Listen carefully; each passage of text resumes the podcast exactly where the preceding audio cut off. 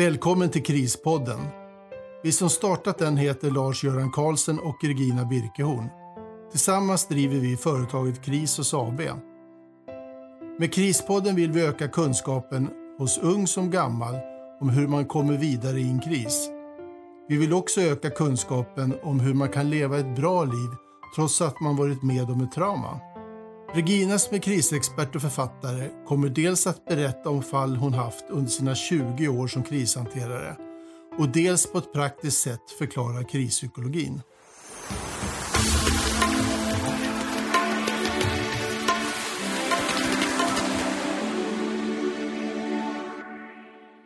Hej, hur mår du? En fråga som får många att svara utan att de hinner tänka eller känna efter och de flesta svarar bra. Det skulle ju då vara enkelt att säga att all statistik har fel. Men här finns tydliga tecken på att vi blir mer och mer sårbara för stress, psykisk ohälsa och arbetsrelaterade sjukdomar. Sjukskrivningarna ökar i samhället. Självmorden bland unga fortsätter att stiga. Många människor har plötsligt gått från att vara välfungerande och högpresterande till att hamna i total utmattning, utbrändhet, psykisk stress och psykosomatisk sjukdom.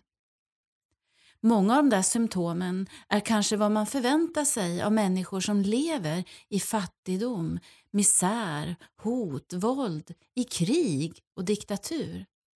Men de här symptomen innehar de flesta sjuka i ett välfungerande Sverige. Hur har det blivit så här? Vad är det som gör att det ska vara så svårt att prata och utbilda människor om psykosocialt mående? Vad händer när detta mående, som är så sammanflätat med vår identitet, arbetsliv och existens, rasar ihop? Vad får oss att tro att varje gång vårt mående inte hittar tillbaka till oss själva, att vi är psykiskt sjuka eller att vi har en psykiatrisk diagnos? Är det rädslan för att förlora sig själv, sin identitet, sin stolthet? Eller är det ren och skär okunskap om hur allt hänger samman? Och har vi ett eget ansvar? I min vardag träffar jag människor där de flesta tror att det är något fel på dem. De känner inte igen sig själva och oron över detta det gör att de blir sjuka i hela kroppen. Några mår inte bra efter många år i ett yrke som hela tiden handlar om att hantera människor. En del har förlorat någon nära anhörig och sorgen gör dem sjuka av ångest och oro. Det här i sin tur får de flesta att tro att de är psykiskt sjuka. De hittar inte tillbaka till den där känslan av trygghet, glädje och samvaro med andra människor. Allt det där gör att de än en gång tror att det är något fel på dem, att de är sjuka och då sjuka i huvudet. Jag brukar alltid säga nej, nej, nej, nej, nej. Du är helt normal. Hjärnan behöver hjälp du behöver lära dig att lyssna på dig själv igen. Hjärnan skickar ut signaler som du måste tolka och hantera på rätt sätt. Du kan inte bara tro eller gissa vad som är vad. Du måste veta. Utbildning är det enda som förändrar hur vi tolkar vår värld och hur vi hanterar livet. Så hur mycket utbildning har vi då i krispsykologi? Där vet jag att de flesta har noll kunskap. Det är där och då som mitt arbete börjar. Ingen terapi i världen eller piller kan ge dig kunskap om hur hjärnan fungerar eller vilka strategier du har för att hantera det kaos du befinner dig i. Utbildning är den enda vägen. Frågan är varför måste vi vänta till livet har rasat innan vi utbildar oss? Vore det inte bättre om vi fick chansen att förebygga? Vad är det som gör att det är så komplicerat att ge unga människor kunskap tidigt i livet? Mitt motto är Bättre sent än aldrig och nu, nu är alltid en bra tid.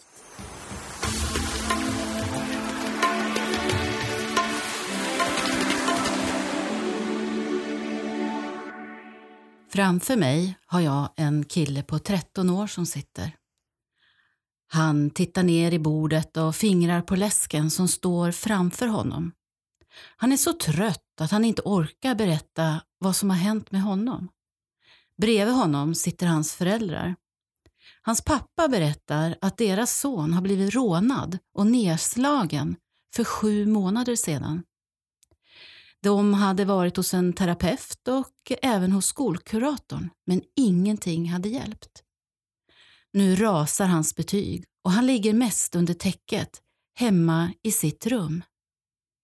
Föräldrarna vet inte vad de ska göra längre. Mamman, hon sitter med tårarna i ögonen. Gråten ligger hela tiden och skaver i halsen på henne. Hon harklar sig flera gånger innan hon berättar att de har försökt med allt möjligt. Men nu, nu börjar det bli ohållbart för hela familjen. Jag tittar på dem och ler. Vet ni vad? Ni får gärna sitta kvar och lyssna. Jag vänder nästa fråga till killen. Om det är okej okay för dig förstås.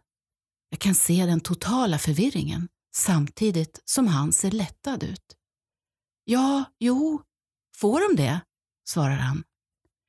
Självklart. Du är ju i kris, men det är även dina föräldrar. De behöver också utbilda sig och förstå så att ni tillsammans kan prata om samma saker. Jaha, men, men vad bra. Jag trodde det var fel på mig. Hans smärta skiner igenom. Hans annars så tonlösa röst får plötsligt en klang av hopp. Jag tar fram papper och penna. Därefter ritar jag hur hjärnan eh, ser ut och så beskriver jag hur den fungerar och hur den fungerade innan överfallet. Och vad som sker i hjärnan när hjärnan verkligen tror att nu ska man dö. Jag beskriver också hur hjärnan efteråt försöker tolka, sortera och processa den här informationen. Jag berättar också vad som sker i hjärnan när den fastnar i den här loopen och vad det är som kallas för posttraumatisk stressdisorder. Med andra ord PTSD. Dessutom beskriver jag även vad som sker när vardagen kommer och när skolan plötsligt kräver att man ska vara närvarande hela dagen, varje stund. Att hjärnan tar paus mitt i all information, mitt i en lektion. Hjärnan behöver fortfarande förstå vad var det som hände?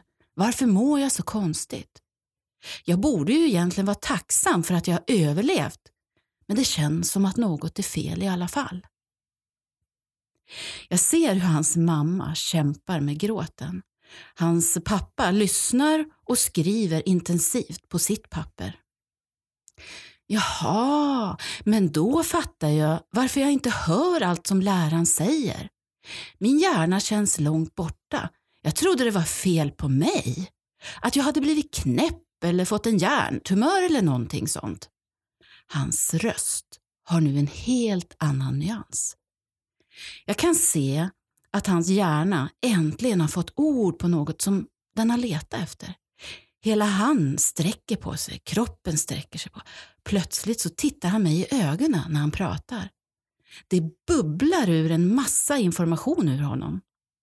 Jag kan se hur hans föräldrar tittar på varann och jag förstår att det är första gången som de hör honom berätta med egna ord hur han mår, hur han tänker och han känner.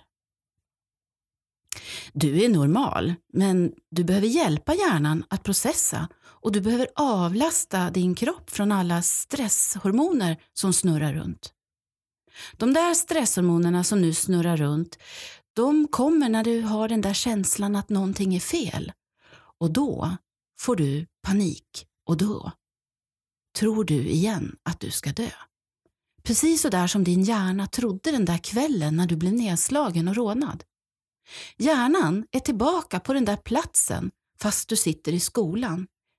Ibland behövs det bara ett ljud eller att någon tar på dig så slår alla stresshormonerna i taket igen. Då är det svårt att resonera med hjärnan, men det är faktiskt nu som du måste bli smartare än din egen hjärna. Vad hade du gjort och vad har du gjort tidigare när du har känt den där känslan mitt på en skoldag? Min fråga får honom att berätta ännu mera. Ja, nej, det vanligaste är, det är att jag ringer till mamma och då har hon kommit och hämtat mig från skolan. Eller så har jag inte gått alls till skolan. Då har jag legat under täcket och hoppats på att det ska gå över. Jaha, och har det funkat då? Jag tittar på honom med glimten i ögat. Nej, inte en enda gång. Han ler under lugg mot mig. Jo, om jag är hemma, då behöver jag ju inte ha panikångesten i skolan. Men jag vet inte och jag vill ju inte ha den, så vad ska jag göra? Vill du veta eller vill du ligga hemma och gå om skolan? frågar jag honom. Nej, jag vill veta. Jag tar fram en dagbok till honom. Det här är vad du behöver börja med. Allt du minns, allt du funderar över, allt du känner behöver du hjälpa din hjärna att sortera och processa. I den här boken vill jag att du skriver ner allt. Sen har du ett eget ansvar att lyssna på din kropp. Du vet när stresshormonerna rusar runt och bråkar med din hjärna. Då behöver du faktiskt röra på dig. Du kan inte sova eller vila bort stresshormoner. För stresshormonerna, de bara skriker till din hjärna. Spring, fly eller fläkta, fäkta. Du behöver varje dag hålla nere de här nivåerna i din kropp genom en enda enkel monoton fysisk aktivitet. Med andra ord, du behöver gå utan resultat. 20-30 minuter varje dag. Och då ska du inte räkna steg eller kalorier eller längden du går. Jag vill att du bara går monotont. Bara rör på dig i tystnad. Jag vill inte att du har musik i öronen, för är hjärnan orolig, då blir den ännu mer orolig av att tolka en massa ljud. Är hjärnan orolig för att det är mörkt ute eller för att du möter en massa folk ute? Då vill jag att du bara går runt ditt eget hus. Du behöver inte gå så långt bort hemifrån. Men jag vill att du rör på dig. Med tid kommer det kännas skönt och då kommer du kunna klara av att jogga, simma eller röra på dig med mer fart. Men just nu så är det extremt lugnt och sansat som gäller. Jag vänder mig till föräldrarna och tittar på dem. Och det här, det gäller ju faktiskt er också. Ni ska göra exakt samma sak. För det är väl viktigt att ni visar hur det här går till och så att ni får ordning på det här. För ni vill väl hjälpa eran son?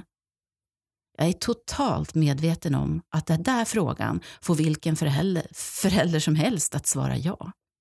Båda föräldrarna nickar och svarar i samma andetag ja, självklart. Jag vänder mig om till deras son igen.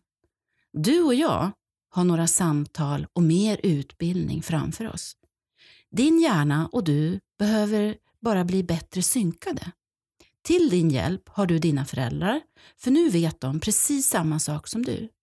Gör du något av allt det här så kommer din hjärna att bli lite lugnare. Och glömmer du något så kan du alltid fråga mamma och pappa. Och kommer de inte ihåg, då kan du ringa till mig. Jag ler till honom och nu är det en glad kille som reser sig upp. Han kramar om mig och säger tack.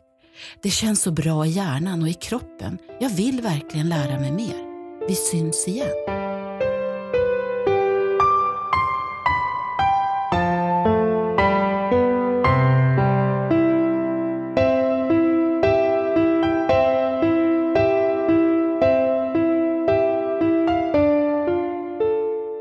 Tack för att du har lyssnat på Krispodden.